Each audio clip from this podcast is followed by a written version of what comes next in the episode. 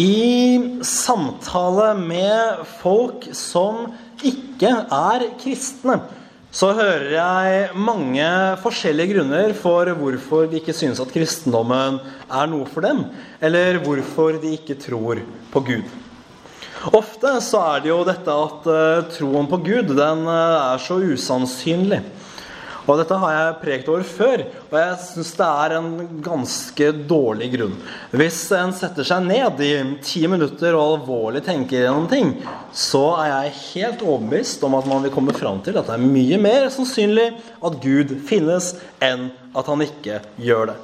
Og at vel så ofte så handler det om en vegring mot å stå til ansvar for sitt liv, for universets skaper. Greit nok, men det er ikke det jeg skal snakke om i dag. For den grunn jeg oftest hører, den handler om lover og regler. Eller om bud, påbud osv. osv. Man kan kalle det mye. Kristendommen har så mange regler, sier folk. Eller 'jeg vil leve mitt liv som jeg selv vil', og ikke følge andres regler i en gammel bok. Og dette er det folk som regel penser inn på når jeg prater med dem om kristen tro.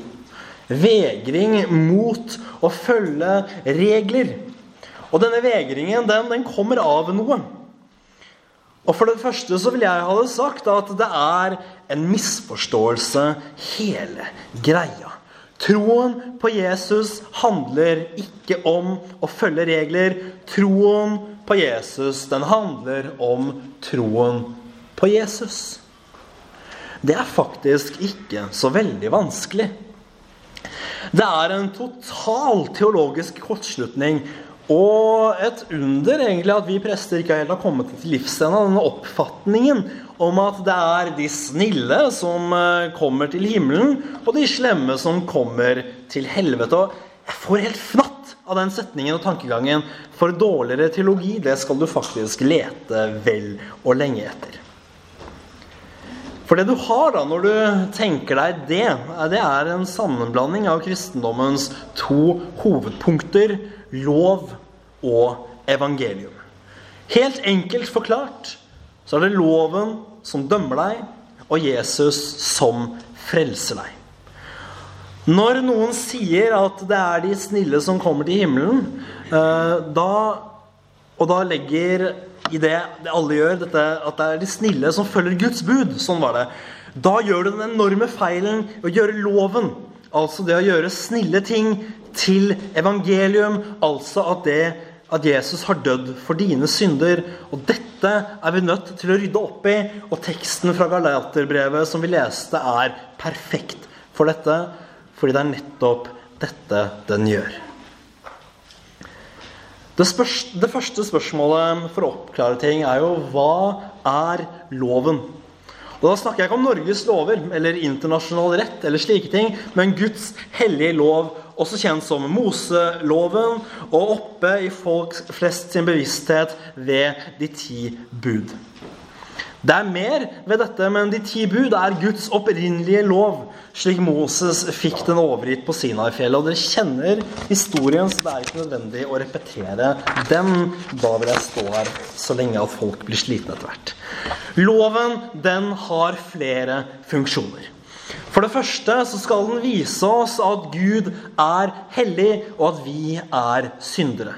Mennesket hadde vært syndere lenge før loven ble gitt Moses, fordi Guds lov også er hans hellige vilje. Og den trenger vi ikke ha loven for å bryte. Og mennesket, vi brøt Guds lov allerede i Edens hage. Og vi fortsetter å bryte den til stadighet. Men i loven så ser du dette.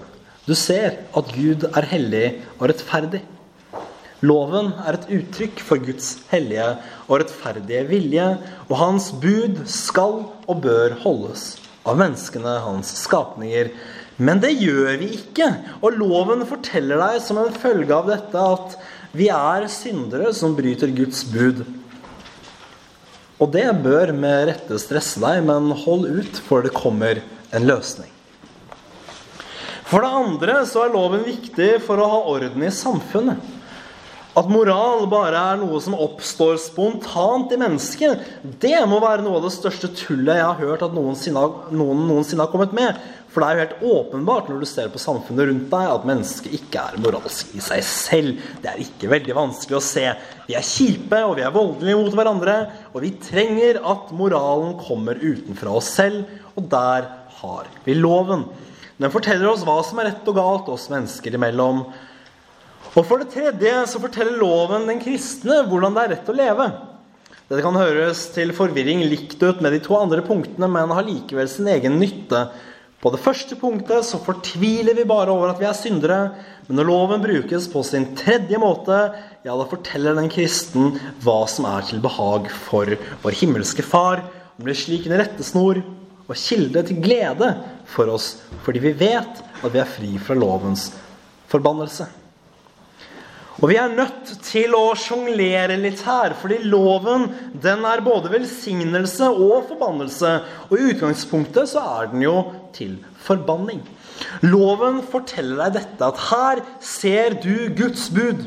Universets majestet har lagt disse lover som krav for mennesker, og mennesker må leve etter dem for å bli rettferdige. Og Skriften sier at hver den som ikke holder alt som står i loven, er forbannet. Det betyr at hvis du snubler bare én gang, så er du ferdig. Du pådrar deg Guds rettferdige dom og er skyldig til evig fortapelse. Ja, ja, dette er hard kost. Ikke la noen fortelle deg at kristendom er for pyser. Og her befinner vi oss innenfor lovens første bruk. Husker dere? Den som forteller deg at Gud er hellig, og du er ikke. Og når du, når du stiller overfor lovens krav og pisk, så bør du med rette bli stressa, for å pådra seg en hellig Guds vrede er rett og slett ganske dårlig stemning. Vi ser på lovens krav, og vi ser med rette en hellig og rasende Gud. Men det stopper ikke der. For stopp ikke i fortvilelsen. Vit at Guds ord, som inneholder denne lov som dømmer deg, også inneholder kilden din til evig liv og frelse fra denne fortapelse som er foreskrevet. Evangeliet om Jesus Kristus. For hva er dette? Jo, det er det som står før i Galaterbrevet, at Kristus kjøpte oss fri fra lovens forbannelse. For et under! Ingen blir rettferdige for Gud ved loven. Det er umulig. Men ved Jesus Kristus kan vi bli kjent rettferdige i Guds, i Guds øyne. Og det er faktisk større enn vi aner. Galaterbrevet legger det videre ut med at Jesus kjøpte oss fri fra lovens forbannelse fordi han kom under denne forbannelsen selv, altså døden for vår skyld. Helt uten synd og skyld ble Jesus hengt på korset. Han ble hengt på korset i vårt sted, og der sonet han straffen for våre synder. Vi blir kjent rettferdige ved troen på ham. Og hva er så denne troen på Jesus? Jo, det er, den, det er, troen til den som i sin fortvilelse over lovens fordømmelse har gitt opp å spørre hva han selv skal gjøre, og plasserer all sin tillit på Jesus Kristus. Fordi, hør dette, den som holder seg til sine lovgjerninger, kan ikke bli frelst. Den som stoler på å gjøre gode gjerninger for å slik fortjene en plass i himmelen, er ikke frelst. Det er bare å glemme. Du kommer aldri til å fortjene å komme til himmelen. Hvis du tror du er så snill at du kommer til himmelen, ja, da er du så fordervet at du ikke kommer i nærheten engang. Og hvorfor er det sånn? Jo, fordi å være, for å være gode nok, så må vi holde all, hele loven. Hvert eneste lovbud. Og det gjør vi ikke. Vi kan aldri gjøre det. Men Jesus kan. Jesus kan. Vi ser loven, og vi spør hva skal jeg gjøre? Hva må jeg gjøre? Men når vi tror på Jesus, så stopper vi å stille dette spørsmålet.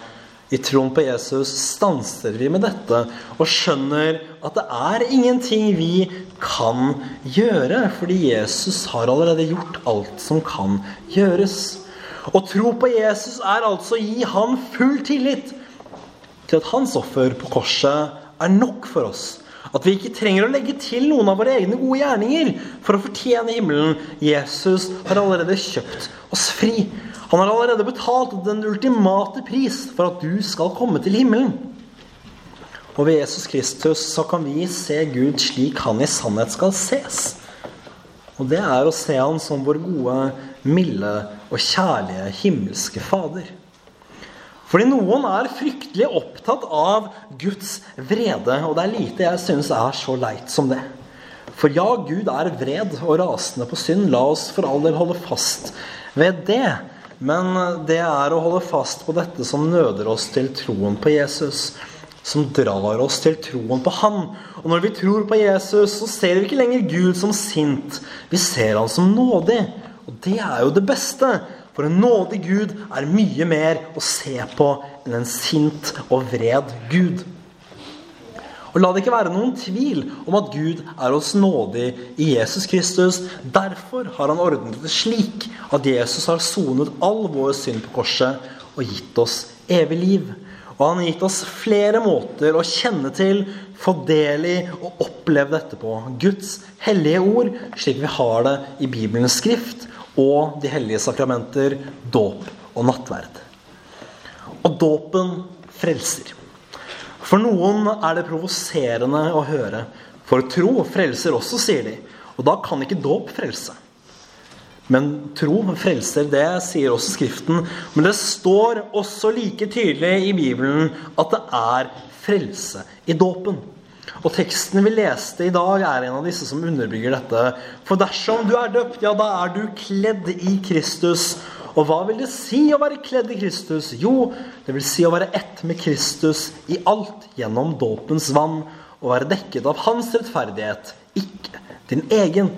Den som er kledd i Kristus, og som ved troen er Guds barn, trenger ikke lenger frykte for noe. For er du kledd i Kristus, så er du kledd i hans rettferdighet. Og er du kledd i Kristi rettferdighet, da, trenger du ikke lenger stole på din egen rettferd. La Jesus dekke deg. Tro på ham. Tro på ham som Gud har sendt. Det er den troen du er døpt og konfirmert til.